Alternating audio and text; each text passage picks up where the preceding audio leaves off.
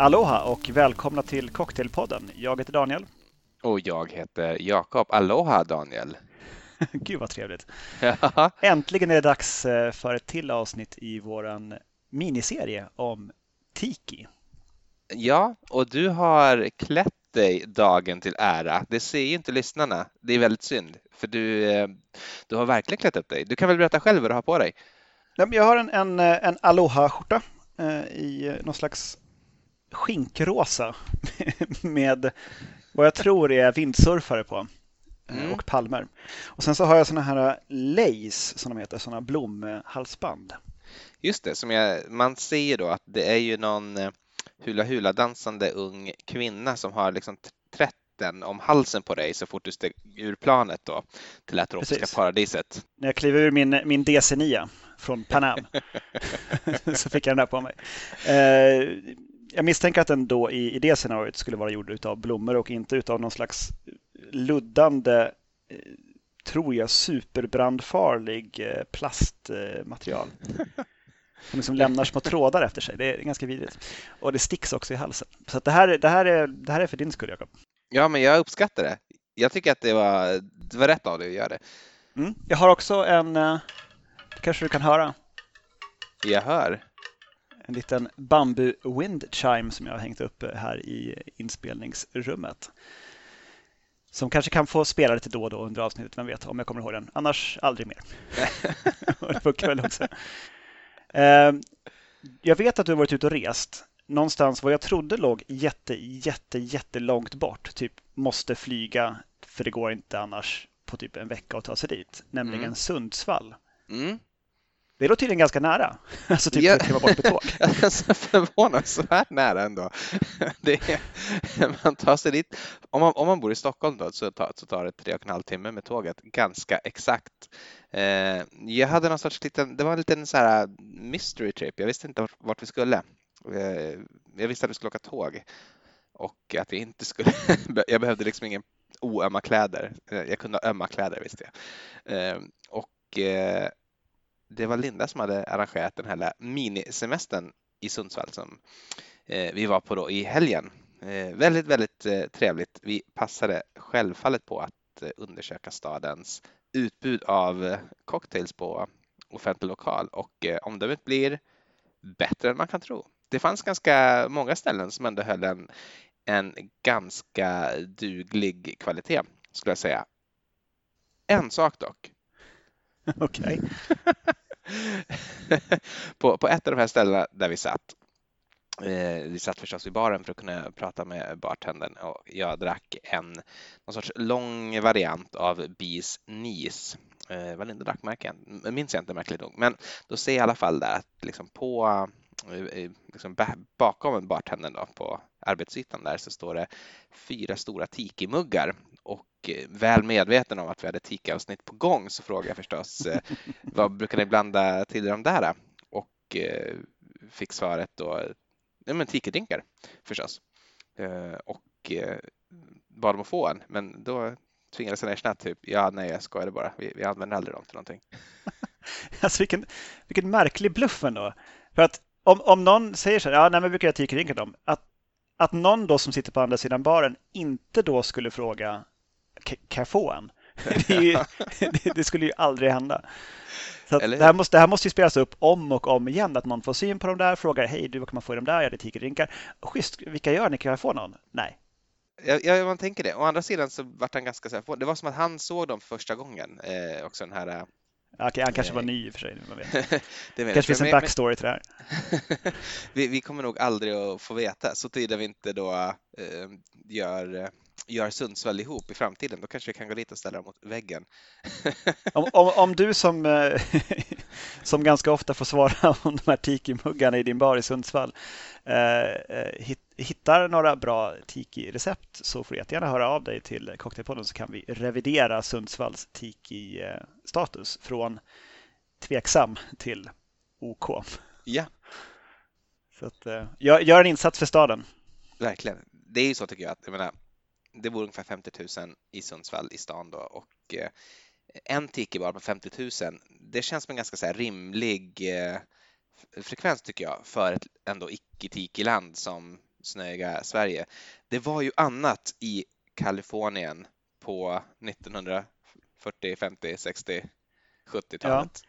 Men det är ju alltså när, där vi slutade förra gången, det var ju eh, med Don Beach då, Don the Beachcomber. Eh, och eh, starten på, på Tiki-estetiken och drinkarna och det. Eh, nu ska vi ge oss lite grann in på när det blommar ut och blir extremt vanligt. Och just ställen som Sundsvall, alltså små, små orter och medelstora orter i USA. Speciellt i sådana här liksom lite, lite gråa eller industriiga delstater. Mm. Det är ofta där de återfinns. Från början i Kalifornien, ja. Eh, det är liksom där det har sin start i, eh, i Hollywood och i Oakland och så. Men sen så är det där det verkligen, där det verkligen behövs. Det är typ i Ohio. Och Detroit. Det är, liksom, det är där man behöver kunna komma in från en, en regntung sky till eh, ett bambuklätt paradis och dricka sig till Söderhavet.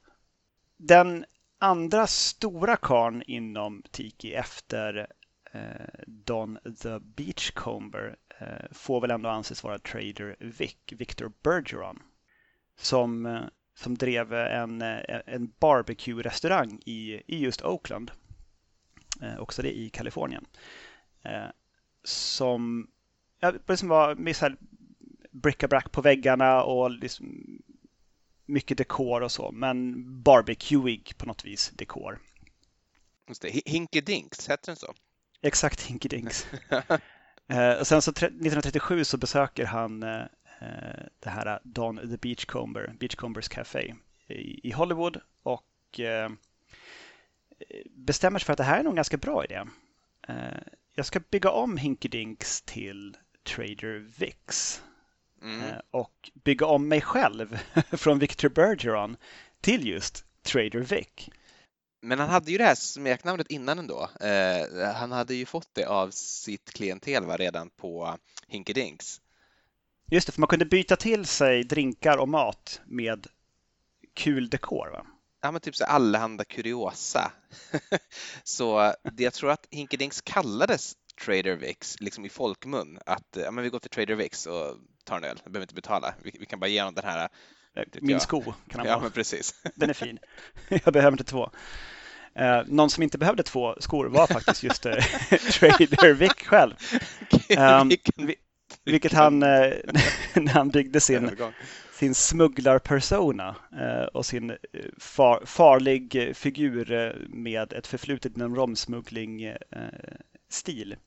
Så som han kunde gå runt i restaurangen och berätta för sina gäster och så och även inbjuda dem att hugga honom i benet med en gaffel eller så.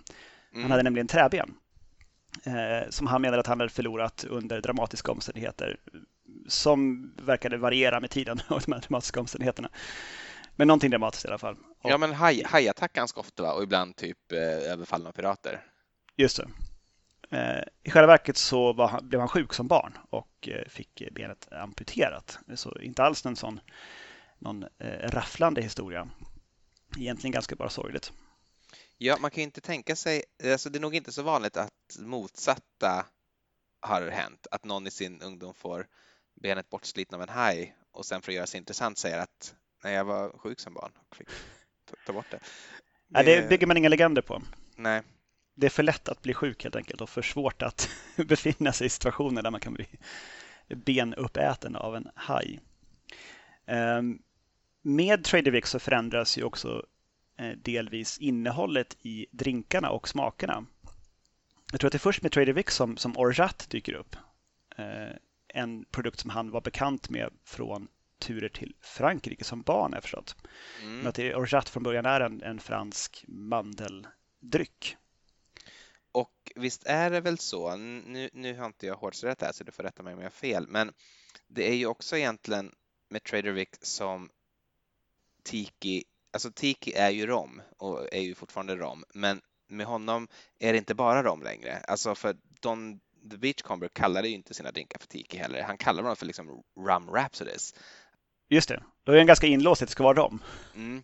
Men att eh, det finns ju ändå, det finns ju en hel del tiki-klassiker som Saturn och Jungle Bird och sådär eh, som inte innehåller någon rom och eh, det är väl liksom Trader Vic som tar det steget mot att bredda vad en, en eh, sån tropisk drink kan vara. Mm. Jag har faktiskt en av hans, eh, hans alster här eh, framför mig. Mm. Nämligen den, ja, en av de allra mest kända som han har gjort, en Fog Cutter. Mm, mm. Jag tror att vi har nämnt någon gång tidigare i, i podden också. Jag, jag det har vi, G ganska säker på det. jag tror att jag gjorde en Viking Fog Cutter i något avsnitt eh, där man har en float av akvavit. Eh, Fog Cutter är lite grann av en, eh, ska man säga, en Long Island Ice Tea fast tiki. Mm. För du har citronjuice, två ounce, ett ounce apelsinjuice och sen ett halvt ounce orchat. Sen så har du två ljus rom eh, av spansk stil har jag skrivit för mig själv. Det är alltså Havana Club 3 i mitt fall. Ett ounce brandy, ett halvt ounce gin. Och det här skakas med is och helst eh, osilat till en lämplig tiki-mugg eller ett glas. Och fylls sedan upp med mera krossad is och sen är det garnerat med mynta. Och sen så häller man eh, cream sherry som en float ovanpå. Så cream sherry är en sån sötad eh, engelsk stil av sherry. Just det, lite så här fattigmans eh, Jiménez typ. Mm. Det, är, det är otroligt att, att, det, att det gifter ihop sig på det sättet. Alltså det är rom, brandy, gin och sherry. Och sen så lite citrus och orchat. På pappret känns det inte som att det skulle sitta ihop så bra, men det, det är en väldigt, väldigt lyckad drink. Hur mycket tror du var inspiration och liksom eh, på något sätt eh, liksom gudomligt skapande och hur mycket tror du är trial and error när de har tagit fram de här drinkarna? Det är ju så många liksom avancerade och makalöst goda drinkar som uppstod under den här eran och inte minst då skapade av just både Don the Beach och, eh, Don Beach och eh, Trader Vic. Men liksom hur, mm. hur gjorde de? Men båda har ju både odlat idén att vissa av drinkarna kom till genom, ja men det kom in en, en gäst, han skulle till ett business meeting och jag behövde, han behövde liksom få en, en pick-me-up. Så då svängde jag ihop The Zombie åt honom och eh, han kom tillbaka sen och sa att jag, jag visste jag klarade ju mötet men jag har känt mig som en levande död redan. Eh, samma drink, The Zombie, har då eh, Don, eh, Don Beach också sagt i menytext att den här är resultatet av eh, en väldigt lång trial and error-period. Eh, vi har hällt lådvis med rom ner i slasken för att du ska få njuta av den här fulländade skapelsen. Och det är om samma drink. Det är ju intressant. Antagligen mer sant, skulle jag tro. Men... Det tror jag nog. Och en del recept förändras ju också över tid.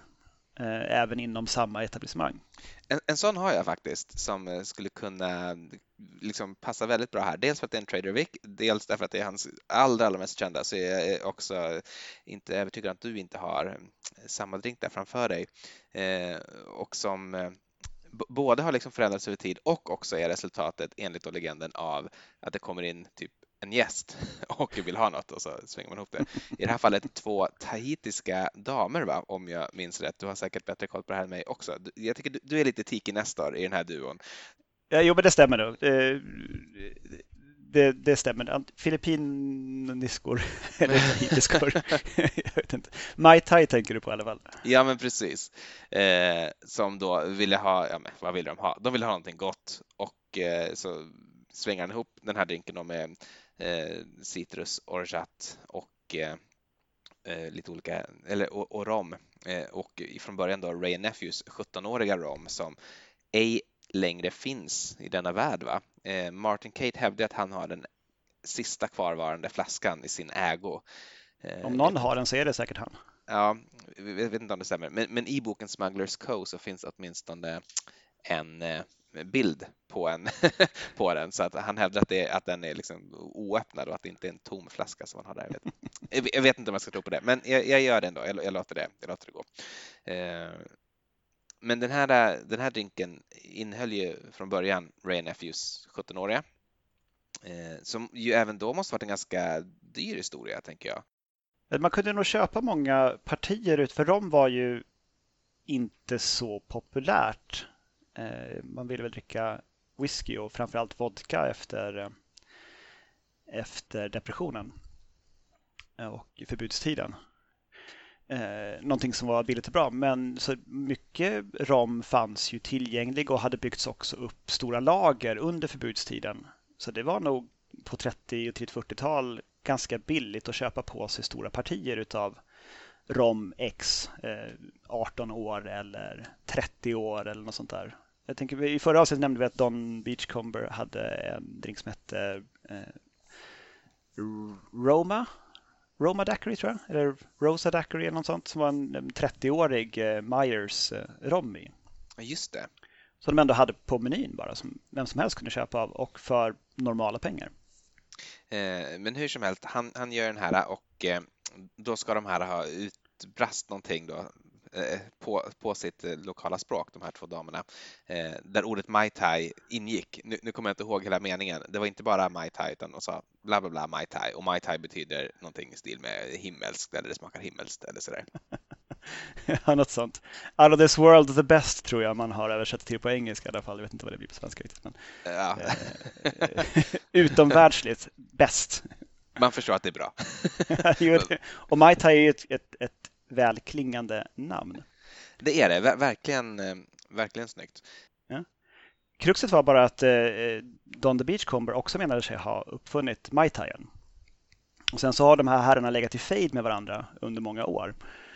Eh, och eh, i ett väldigt långt kapitel i Beach Bum Berries Remixed så går han igenom turerna av och till hur, hur det eventuellt kan ha varit och hur det inte var och så med, med det där. Och det, det är ju inte till fullo bevisbart nu så här, så här efteråt. Mm. Men eh, eh, det kan vara så att eh, Don the Beachcomber har uppfunnit en drink som han kallade för Mai Tai. Men den har inte dykt upp på någon av hans menyer förrän efter att Trader Vic började ha en Mai Tai på sina menyer under, under det namnet. ja. eh, och eh, någonstans där 37 så besöker ju Trader Vic eh, Don the Beachcomber och eh, blir inspirerad att starta ett eget ställe och ganska snart därför så kommer han på recept på Mai Taien. Och det man skulle kunna leda i bevis är att det finns en, fanns en drink då, 37, som heter QB Cooler på eh, Don the Beachcombers meny. Som eh, smakar väldigt mycket som en Mai Tai. Mm -hmm. eh, dock är den mycket mera komplex i sitt, eh, sitt innehåll.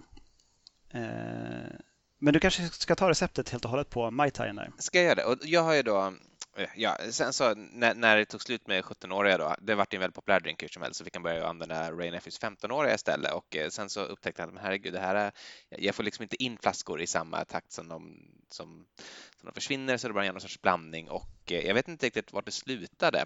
Men det recept som jag har använt i alla fall, det är ju förstås innehåller varken Ray Nephews 17-åriga eller 15-åriga. Det här är hämtat från Martin Cates Smugglers Cove Eh, i den så ska det vara tre fjärdedels ounce med limejuice, eh, ett fjärdedels ounce med då han, vad han kallar för Smugglers Coves My Tai Rich Simple Syrup som är en rich simple syrup med lite vanilj.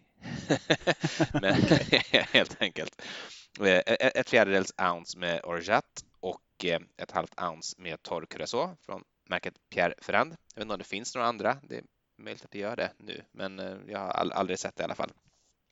Eh, och sen två ounce med eh, blended aged rum och då har jag använt eh, Appleton Estates 12-åriga som mm. är billig och också väldigt, väldigt god, eller åtminstone någorlunda billig. Det här ska skakas och hällas till ett dubbel dubbel old fashion glas fyllt med krossad is och sen garneras med en halv liksom, utpressad lime och eh, mynta. Tyvärr glömde jag köpa mynta så det är bara en halv utpressad lime i det här glaset som för övrigt också är ett, ja vad var det nu, ett highball-glas? Nej, ett Tom Collins-glas. vad var det vi, vad vi kom fram till? Ett, ett fizzglas tror jag. Ett, ett, ja, i alla fall. Så det är, inte, det är inte double old fashion heller. Men allt fick plats i alla fall så jag känner mig nöjd med det. Och eh, ja, med, med eller utan den här liksom, originalrommen, det här är en fantastisk, fantastisk drink. Det är inte konstigt att den har överlevt genom alla, alla år. De allra, allra flesta av de tiki-drinkar som är på modet igen har ju ändå försvunnit, men den här har liksom aldrig försvunnit och jag förstår varför. Mm. Så den försvann ju på sätt och vis. Den, egentligen skulle man kunna säga att Mai Tai kanske dog den mest brutala döden av alla tiki-drinkar.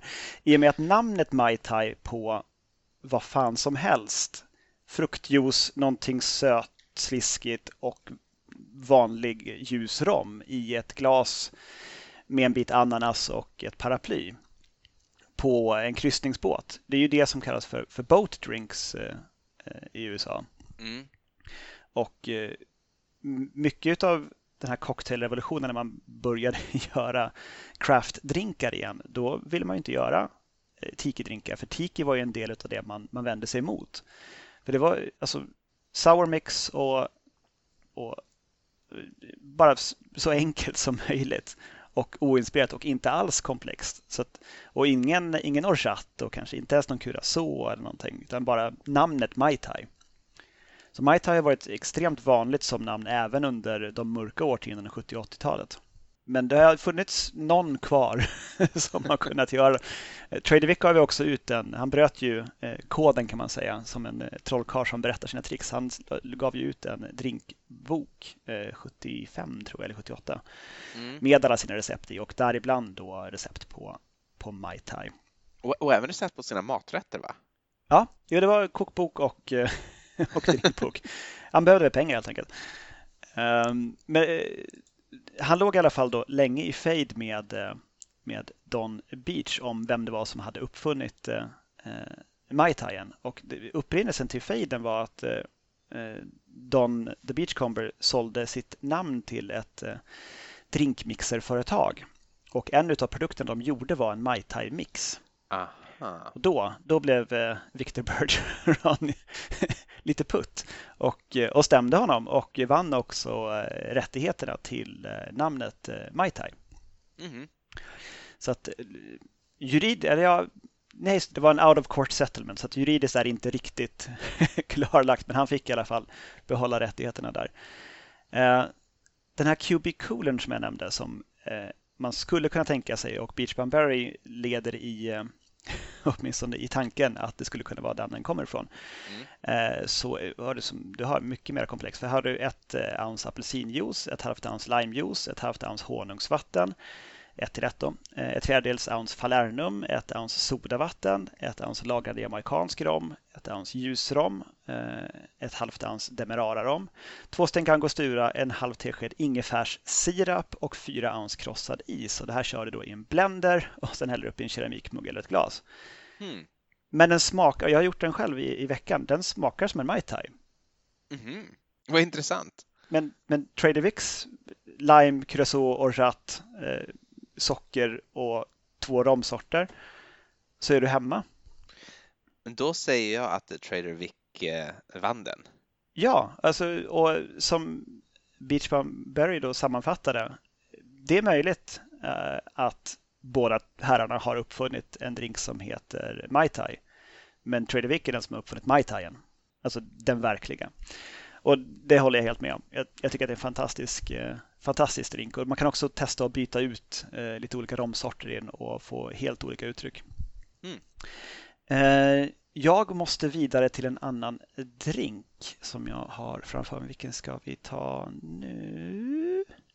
Jo, jag kan ta en, en liten en, på temat eh, copyrightade eh, eller ägda recept. Mm så har vi ett recept som är eh, faktiskt än idag ägs av eh, rommärket Pussers Navy Rum. Nämligen en painkiller och det står ofta på deras flaskor, det här eh, painkiller-receptet. Eh, som lyder som följer. 4 ounce ananasjuice, 1 ounce apelsinjuice, 1 ounce kokosgrädde, och då ska det vara Coco Lopez, vilket man kan köpa i välsorterade internetbutiker. Eh, och inte sånt som man lagar mat med om man ska göra thaimat hemma, för det är väldigt annorlunda produkter. Men vad är, vad är kokosgrädde då? Eh, kokosgrädde, alltså det, är ju, det här är ju cream, cream of coconut heter produkten. Men den har inte det här vita smöraktiga klumpiga lagret i burken som den man lagar mat med har. Det är en sån, en sån massa nästan och sen så är det lite uppdelat i massa och, och vatten. Det här är mera som en, en kokossirap skulle jag säga i den här burken. Det är som en genomskinlig, svagt så gråaktig eh, tjockflytande vätska som en sirap. Hur som helst, ett ounce kokosgrädde, helst Coco Lopez. mm. Om du inte har det hemma, använd någon form av annat, men det kommer inte att bli samma sak. Ja, eller gör, gör en annan drink är väl ett annat eh, tips. Det skulle man också kunna göra. Eh, slutligen 2,5 ounce Pussers Navy Rum. Eh, och sen ska du också ha kanel och muskot. Du skakar det där ovan med krossad is och häller osirat till en keramikmugg. Eh, så garnera med ananas och eh, apelsin ska det vara. Och sen en kanelstång också. Och sen så ska man eh, riva lite kanel och muskot över själva drinken. Eh, sen har det spårats upp i efterhand att eh, visserligen Pussers Navy kanske äger receptet men den är egentligen skapad på Soggy Dollar Bar på Brittiska Jungfruöarna. Eh, en bar som heter så för att man måste simma till baren för att ta sig dit. Ah, och så blir pengarna blir blöta. Just det, men de har också ett, eh, ett, ett torksträck inne i baren där man kan hänga sina pengar. Och så hänger det en massa dollarsedlar upp i taket på tork. Då. Det är en jätterolig idé. Jag älskar det. Otroligt bra. Ja, och drinken är också väldigt god. Det är heller inte en ovanlig drink på Tiki Bars menyer. Och det tycker jag är helt rimligt. Mm, mm, mm. Men eh, ut och köp Coco Lopez gott folk. Det är en väldig skillnad. Jag har gjort drinkar tidigare med sån bara vanlig eh, kokosgrädde från Ica. Och det har alltid blivit lite så här klumpigt och lite sörjigt. Och mm. det blir inte det här. Så det är en väldig skillnad. Um, har du några mer där hos dig?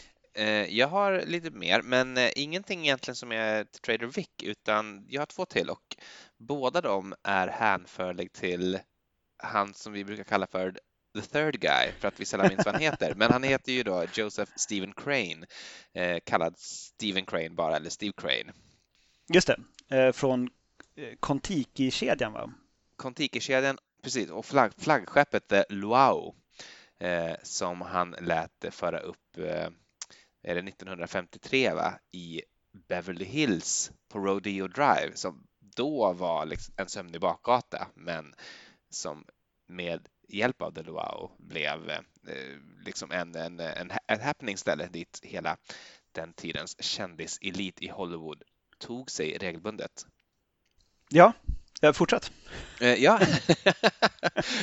alltså det, det, finns, det finns inte liksom, han är inte lika mycket av en personlighet som de andra.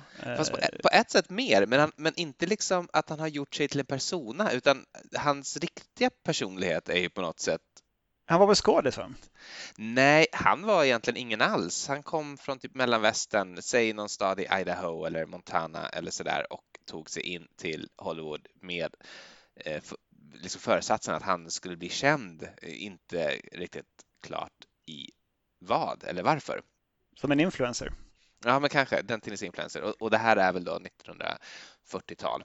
Eh, och han liksom lyckades lyckas nästla sig in i kändisvärlden utan att själv vara känd. Men han hittar väl på att han är någon sorts tobaksarvinge och att hans eh, liksom, fulla namn är J. Stephen Crane III och eh, att eh, där hemma i, i, i Montana eller Idaho så väntar miljarders miljarder från, från pappas tobaksodlingar liksom, på att trilla ner i hans fickor och han Eh, han, han, lyckas ju med det här eh, ragga upp Lana Turner, eller Lena Turner, Lana Turner, eh, skådespelaren, eller skådespelerskan, och gifter sig faktiskt med henne också. Och liksom tar med henne hem tillbaka till Mellanvästern för att visa upp sin trofé och visa vilken, vilken big shot han har blivit. ja, eh, och, och, och vad, vad på det då framgår att vänta nu, det här är bara en helt vanlig snubbe som kommer från en helt vanlig familj. Han är, han är ingen tobaksarving. Ehm, så kort efter det så tar han ut skilsmässa. Men, men de förhåll, behåller ändå kontakten hela livet och han blir med tiden liksom en, en, en verkligen larger den life-figur. Eh, han bestämmer sig för att han i alla fall vill öppna en tiki-bar. Han fattar att det här är det. Det är det som gäller. Det, det, här har liksom, det är både nuet men det är också framtiden. Och på något sätt så känner han lite grann Don the Beach, eller Don Beach, Don the Beach Comber, eh, som numera är bosatt på Hawaii. Så han åker till Hawaii. Eh, Don Beach är vid det här laget ganska gammal, det här är början på 50-talet. Och eh, lyckas få honom att avslöja flera av sina recept vilket ingen annan person, varken före eller efter, har liksom rott i land. Så, så, det är ju en stor eh, bedrift som han gör där. Eh, men han tar med sig de här tillbaka och så öppnar han då The Luau på Rodeo Drive i Beverly Hills. Eh, och det här förblir ett stort landmärke i 25 år ungefär. 1979 så rivs det och blir en parkeringsplats istället. Så det är lite dystert slut får man väl säga. Men, men, men, det som han ändå gjort sig känd för, han, han har ju också skapat en del drinkar, men inga sådana där liksom massiva eh, evergreens. Men eh, han var ju den som på något sätt tog själva tiki-stilen i mål, kan man väl säga. In, inte, det, inte det ganska rimligt uttryckt? Du verkar vara vår första fjol på Steve Crane, så att, eh, jag får nog ta ditt ord för det. Nej, men han, han, liksom Don the Beachcomber hade ju bara en massa skräp och lite block och taljor och, och fisknät och sådär och massa olika saker. Eh, som, någon sorts fiskebod deluxe typ. Mm. Eh, Trader Vic, han skapar den här liksom, köpmanna, trader, eh, hustler personligheten som eh, byter till sig saker från hela världen och har liksom ett kuriosa kabinett och han har också en, en liten typ gift shop så att man kan köpa liksom, fina saker fanns på Trader och tröjor och sådär. Så att han har den här liksom, trader-personligheten. Eh, och, och, och, Trader Vic är väl också den som faktiskt introducerar de här eh, gudan, gudabilderna, alltså det som är själva Tiki-figurerna eh, liksom, egentligen. Det, det, är väl Trader Vic som gör det. Men när Steven Crane sen ska ta det här, han, han tar liksom allting till en helt ny nivå. Så det är han som har alltså pelare som redan är utsnidade eh, i sådana gudabilder och han som har liksom vattenfall och ljusshower och, och liksom åskljud och, och liksom fejka regn och, och, och, och, stora levande djur. Jag tror han hade en alligator och sådär som, som fanns i någon sorts akvarium i, i mitten där på The Luau. Alltså jag vill dit. Ja, jag vet att det är bara är en parkeringsplats nu, men någon får väl göra om den. Precis, eh, och, det vart ju då som sagt, eh, det vart väldigt populärt bland Hollywoodkändisar och, därför också bland alla andra såklart. Eh, och längst liksom inne så fanns det en sorts VIP-loge som kallades för Bar One som skulle vara liksom det här är allt barlivs mittpunkt och liksom nav. Här, är, här är centret från varifrån ekrarna ute i världen liksom sticker ut dem. Och dit bjöds egentligen typ ingen. kanske, kanske, kanske om man hade, om man hade precis kom, kom liksom utrullandes från eh, Oscarsgalan med en guldstatyett i handen så kunde man få komma och hälsa på där på Bar One och sitta med Stephen Crane själv och klappa alligatorn och, och dricka hans drinkar. Då. Så det, det var sån där super, super exklusivt liten VIP-lounge. Och också lite creepy. Ja, men eh, vad som också var lite creepy är vittnesmål från Stephen Cranes dotter eh, Sharon förlåt, Cheryl som eh, har liksom lite, lite ytterligare information eh, om varför det här stället blev så populärt. I Beach Bump Berries Intoxica eh, så finns då ett vittnesmål eh, under drinken Martiki som var en drink som man kunde få på eh, just det här Luau och du kan säkert gissa vad Martiki är för typ av, för typ av drink. Eh, någon form av martini? Mm. kanske. kanske. It is our answer to the classic and elegant martini.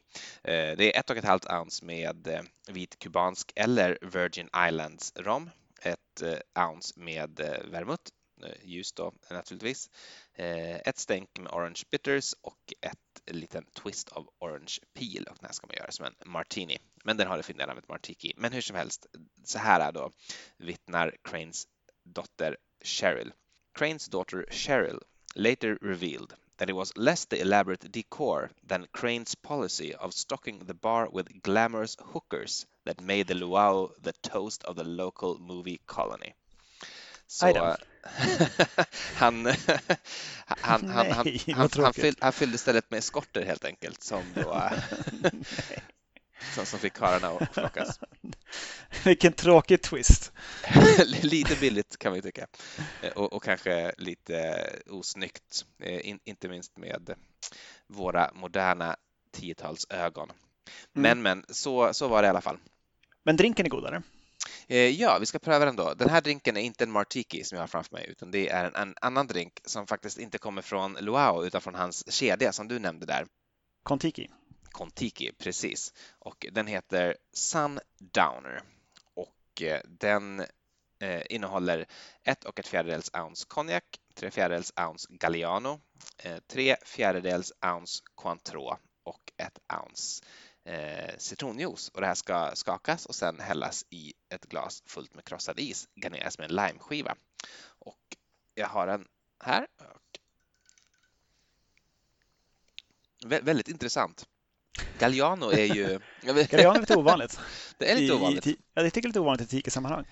Mm, men det är ju vaniljigt och jag tycker nästan att den här har, alltså om jag skulle gissa, om du skulle göra den till mig och så skulle mm. du säga gissa efter i den, gissa en sak. Vet du vad jag skulle gissa på? Uh, uh. Parfymor. Om jag inte såg då att, att, den inte var lila. Men den har någonting lite, lite parfymorigt över sig. Denna utskällda likör. Orättvist utskällda, vill jag säga. vi får väl återvända till parfymor vid något tillfälle och köra ett avsnitt helt bara om det. Men ja, jag, jag gillar den. Ja, jag har också en, eh, en Kontiki-drink mm. Eh, som heter Western Sour. Som är också det med att man började ha drinkar som inte bara innehöll rom. Eh, för här har du ett ounce grapefruktsjuice och det ska vara vit grapefrukt för rosa grapefrukt är lite för söt. Ett halvt ounce limejuice, ett halvt ounce falernum, ett fjärdedels ounce sockersirap, då ska det vara 1 till 1 och sen 2 ounce med bourbon. Så en bourbon tiki drink och det är faktiskt också precis hur, eh, hur den smakar. Så ser den ut i en liten tjusig trätunna. Det är omisskännligen bourbon och också omisskännligen en tiki drink. Det är helt otroligt. För det, nej, jag, jag, jag älskar den. Den är fantastisk. Det, det, borde inte gå ihop, men det låter ändå det låter som en vinnare. Ja, sen finns det också en Eastern Sour som, och då byter du ut eh, grapefrukt mot apelsin, lime mot citron och sen så ökar du på citronen upp till tre fjärdedels ounce och sen byter du falernum mot orgeat och då har du en Eastern Sour. Mm. Så de var liksom en, en par, eh, två par drinkar på menyn. Snyggt. Mm. Eh, visst gjorde han även något som var en London Sour, eller är det någon annan? Nu måste jag konsultera Beach Bunbury här ett ögonblick. Eh, som tänkte som, som innehåller scotch, märkligt nog. Eh, det är heller inte en vanlig ingrediens i, i Nej, det, inte. Det, här, det här är faktiskt en Trader Vicks eh, drink, ser jag nu. Så den var inte alls från Contiki som jag sa, den är från Trader Vic. Men det ska vara 2,5 ounce med apelsinjuice, ett 3 fjärdedels ounce med citronjuice, ett fjärdedels ounce orgeat, ett fjärdedels ounce sockerlag och 2 ounce med scotch. Mm -hmm. skulle lika gärna kunna heta ett Glasgow Sour då, kan man tycka. Men eh, London Sour i alla fall. Har ej gjort, men låter i alla fall spännande tycker jag. Ja, men det kan man. Speciellt om man eh, tar någonting riktigt rökigt så kan det vara lite kul. Jaha, jag, skulle, jag gissar att det var blended, ganska mild, som jag bara tänker att allt var på den tiden, men vem vet? Mm. Apropå någonting, någonting rökigt då, för att ha en, eh, ett insteg i, i min nästa drink. Eh, så har jag framför mig en, en Coconaut som jag tror vi nämnde också i tidigare avsnitt. Mm. Eh, om att man hade ofta eh, namn klingandes av The Final Frontier, alltså rymden. Det här är en, en drink som i, i fullstort utförande serverar 2-4 personer. Och då ska det vara 8 ounce av Coco Lopez, eh, 2 ounce limejuice och 7 ounce av lagrad jamaicansk eh, rom. Och då har jag också använt eh, Appleton Estate men deras Signature Blend och inte den 12-åriga för att jävlar vad dyrt det blir annars. det är otroligt. Eh, det här ska man köra i en blender med eh, några skopor krossad is tills det blir en slashig konsistens och sen så eh, hälla över det i en kokosnöt eller keramikmugg och fylla upp med krossad is. Och om man tänder eld på den här så blir det en Coconut Re-Entry. Och det tänkte jag göra nu. Ja men gud vad härligt, vad spännande. Så man tar ett eh, urpressat limeskal och sen eh, helst eh, enligt då Martin Kate en krutong, alltså en torr brödbit bara. Men det har jag ingen hemma nu så jag har tagit en sockerbit och hoppas på att det inte blir eldsvåda här. Jag har en brandsläckare i närheten så det tycker jag också man ska ha. Alltså det kan verkligen inte lite fånigt men alltså det, det är ändå eld i mängd. Um, och sen så på med Overproof Rum, eller i det här fallet också inspirerat av Martin Cates råd, så har jag um, Pure Lemon Extract av märket McCormick som jag beställt via tyska Amazon som är en väldigt, väldigt alkoholstark eh, citronessens. Okej. Okay. Och de här citronoljorna i den gör då också att den brinner med en gul låga eh, istället för som Overproof Rum hade gjort med blå låga, så den syns mycket bättre. Så, och sen så gasbrännare på.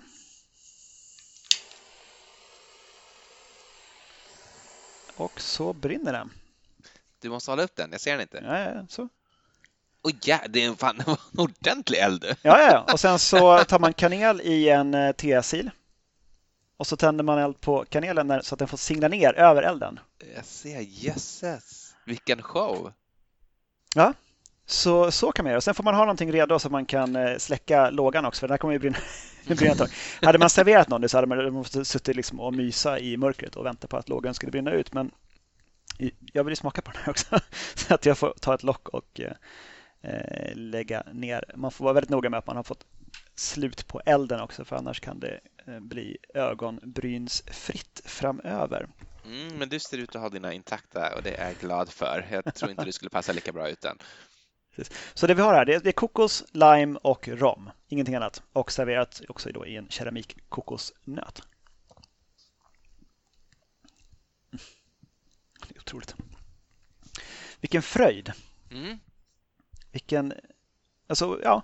Och sen så just att man kan servera också i ganska stor volym eh, och ganska smidigt få ut eh, drink till två eller tre eller fyra av sina vänner. Just det, och den kändes ju som att den var no någorlunda simpel i, till skillnad från mycket annat som vi pratat om idag och mycket annat som har med TIK att göra. Mm. Och sen gillar jag också elden. Det, det, det är bara för kul. Ja, men det, det är det. Det är, så, det är så bra. jag, har, jag har också en sån lite likartat tema. Det är ingen eld tyvärr. Jag har ju heller inte såna fina tiki-relaterade muggar som du har, varken kokosnötter eller såna här gudar. Men eh, Eh, jag har ett glas i alla fall och eh, i det glaset har jag hällt en Jet Pilot. Oh, eh, coolt. Mm, som, som ju då i, likhet tycker jag då med en Coconut ändå är lite så här Space Age person eller Space Age tema och den här är från 1950-talet och från just då The Luau, den här flaggskeppsrestaurangen som Stephen Crane hade. Vi ska säga det för övrigt att de här eh, Kontiki som var i Sheraton-kedjan, han fick ju faktiskt tillåtelse av Tor Heyerdahl att använda namnet Kontiki som på något sätt ändå tillhörde Tor Heyerdahl då, som ju hade seglat över Stilla havet med en sån eh, bambuflotte eh, var det va? Mm, och flotten hette väl Kontiki? Ja. Precis. Men, men att det fanns i alla fall en sorts klausul som jag förstod det i det här kontraktet med Sheraton att den här kedjan, alltså de skulle bara förbundna och ha Kontiki i sin restaurang så länge det här flaggskeppet på Rodeo Drive fanns kvar.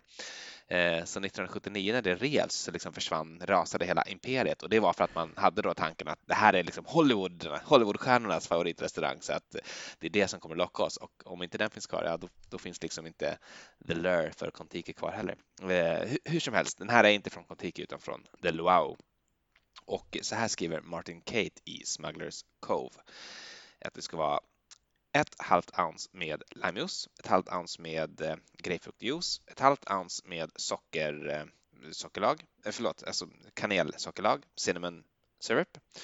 Det är ju precis vad man kan tänka sig. Behöver kanske inte gå in så mycket på det. Googla det eller titta i boken så kan ni se exakt hur Martin Kate gör det. Eh, ett halvt ounce med Falernum, ett ounce med Black Blended Rum och då har jag eh, Goslings Black Seal. Mm. Eh, tre fjärdedels ounce med Blended Aged Rum och då har jag igen Appleton Estate 12-åriga.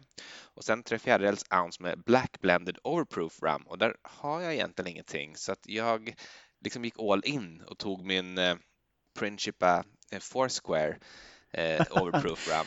den du satt och lurpassade när de skulle släppa den på Stenbolaget? Just det, och som tog slut på tror jag, under en minut. Jag tror de släppte 200 flaskor eller någonting och eh, de liksom tog verkligen slut på en gång och en av dem knep jag. Men nu, nu har jag lite av den då i den här i mitt glas här framför mig. Eh, och sen ska det också vara en dash med Herb Stura eh, som var något litet trick som, eh, om jag förstått saken rätt, Don Beach kom på, som egentligen bara är en blandning 1 till 1 med angostura och någon typ av anislikör. Ja, det var Herb, Herb Saint. Ja, men precis. Inte, så, inte som man uttalar den förstås, men det var, det var väl som absint fast utan de ämnena som gjorde att absint inte fick säljas. Exakt. Eh, och eh, jag har använt Pernod Pastis istället för det, men eh, i övrigt gjort samma sak. Eh, det här ska man då eh, blanda och sen använda sådana här flashblender som du har, eh, men som jag inte har. Så jag har bara tagit krossad is, skakat och sen hällt i glas och sen fyllt upp med mer krossad is. Ingen garnering överhuvudtaget. Jag, jag har ju använt den där. jag har bara förenklat för lyssnarna. För att det är många som tyvärr inte har en, en, en sådan ja, spindle blender eller vad det nu blir, milkshake-maskin på svenska. Just det, och därför är det tur att jag är här som kan, som, som kan berätta hur man kan göra drinkarna utan en sån då. och det, är gott. det här är, det är jättegott verkligen. Det här är nog faktiskt min favorit för idag. Eh, kanelen kommer fram väldigt väl. Och eh, det kanske är också att jag har tre stycken verkligen topp rom i den också. Det, det, det, kan ju ha med saken att göra, men otroligt läckert. Eh, Jet Pilot for the win. Det tycker jag också man ska ha. Man ska ha bra rom i de här drinkarna, för annars, liksom, vad är meningen? Om du tar och köper uslast möjliga eh, bleka rom, om det inte ska vara det, så får du inte samma resultat. Och det blir inte samma otroliga njutning som det när man får en riktigt bra tiki-drink. Here, here. Har du någonting kvar förresten? Nej. Jag, jag ska Bra. berätta om en present som jag kan ta bara innan vi slutar sen, som jag har gjort tidigare i veckan. Men, men eh, jag har inte något mer framför mig. Mm. Eh, då har jag en, en Chief Lapu Lapu eh, vars eh, uppfinnare och ursprung är okänt, men den dök upp någonstans på, på 50-talet. Och det är den här personen som var Lapu Lapu, den historiska personen, eh, var en, en hövding på Filippinerna eh, som eh, var hövding när Magellan dök upp från, från Spanien och försökte övertyga honom och hans folk om att ni, ni tillhör nu Spanien och det här är kristendomen, det ska ni syssla med nu. De, araber hade redan varit där, så de var muslimer på Filippinerna vid det tillfället. Och Lapu eh, dräpte Magellan helt enkelt. Ja, okay, ja. Och bidrog på så vis till, till världens utveckling. Eh, bra jobbat tycker jag. Mm. Eh, drinken hur, för övrigt är 3 ounce apelsinjuice, 2 ounce citronjuice, 1 ounce eh, sockersirap, 1 rätt, 1 ounce passionsfruktssirap och sen 1,5 ounce ljusrom av spansk typ och då har jag tagit Havana Club 3-årig.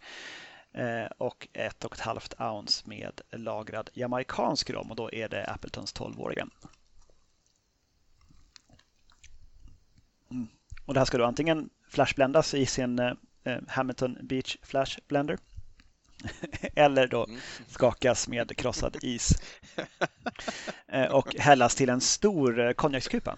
Och det har det där också, snyggt. Ja, garneras med eh, mynta och eh, om du har några eh, icke-giftiga blommor inom räckhåll så ta dem. Jag har använt en eh, lila blå pensé och någon form av slingerkrasses orange-röda blomma. Vilket jag tycker var ganska fint. Jättefint. In, inte pelargon vill jag bara säga. Det tror jag kommer att förstöra doftintrycket. Mm. Det är sant, den är ju inte giftig men den är också väldigt doftstark.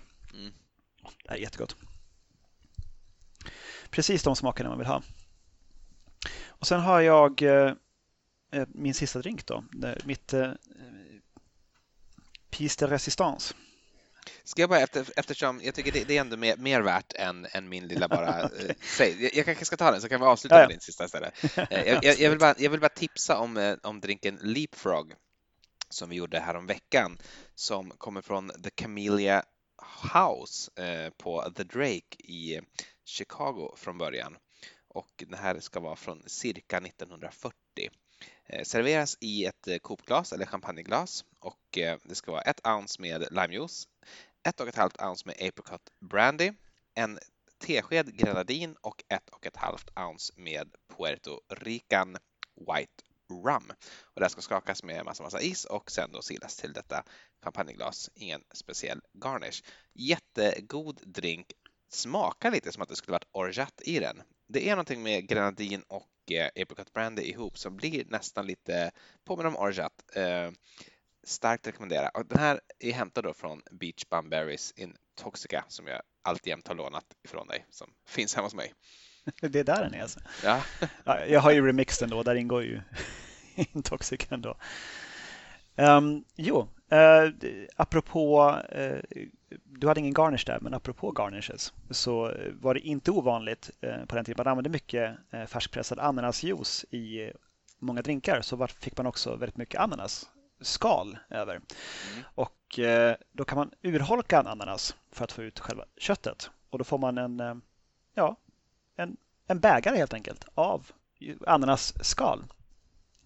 Så man skär, av, man skär av toppen och sen så köttar man ner en sån som man vrider runt. Det finns en sån eh, plast eh, eller metall ananas-skruv eh, som man skruvar ner mitt in i ananasen och sen så drar man upp och så får man ut allt kött och så blir det som ett cylindriskt hål ner i ananasen. Så länge som man inte går för långt ner och eh, gör hål i botten så har man fått en, en, en vattentät bägare ska man spara locket och skära ut en liten flik som man får i ett sugrör också.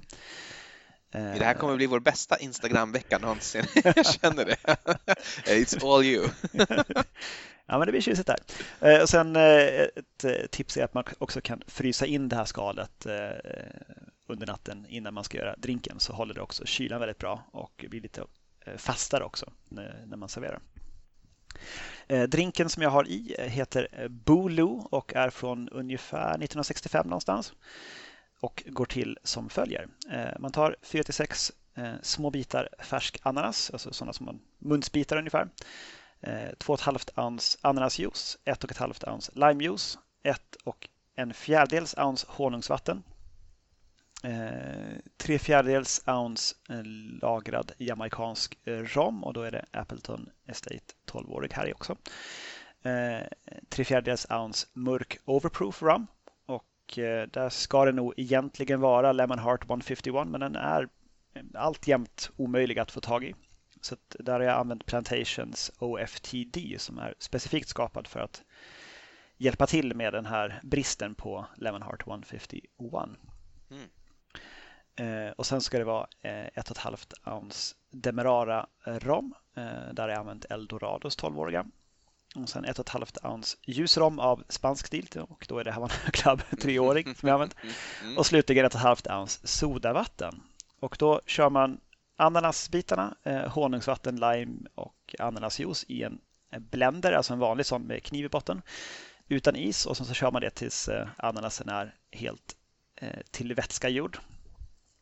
Eh, och sen så häller man över det i eh, ananasskalet eh, och fyller på med krossad is och tillsätter rom och sodavatten och rör om i skalet. Servera med sugrör och på med ananaslocket igen. Mm, mm, mm. man, man, man, blir så, man, man, ja, men det gör jag faktiskt.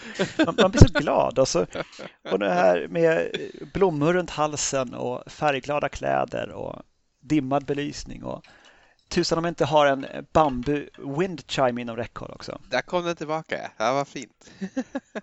och med de orden så får vi väl säga vi finns på sociala medier under namnet Cocktailpodden. Man kan också komma i kontakt med oss på cocktailpodden gmail.com. Och eh, ja, skål och eh, aloha Jakob. Aloha.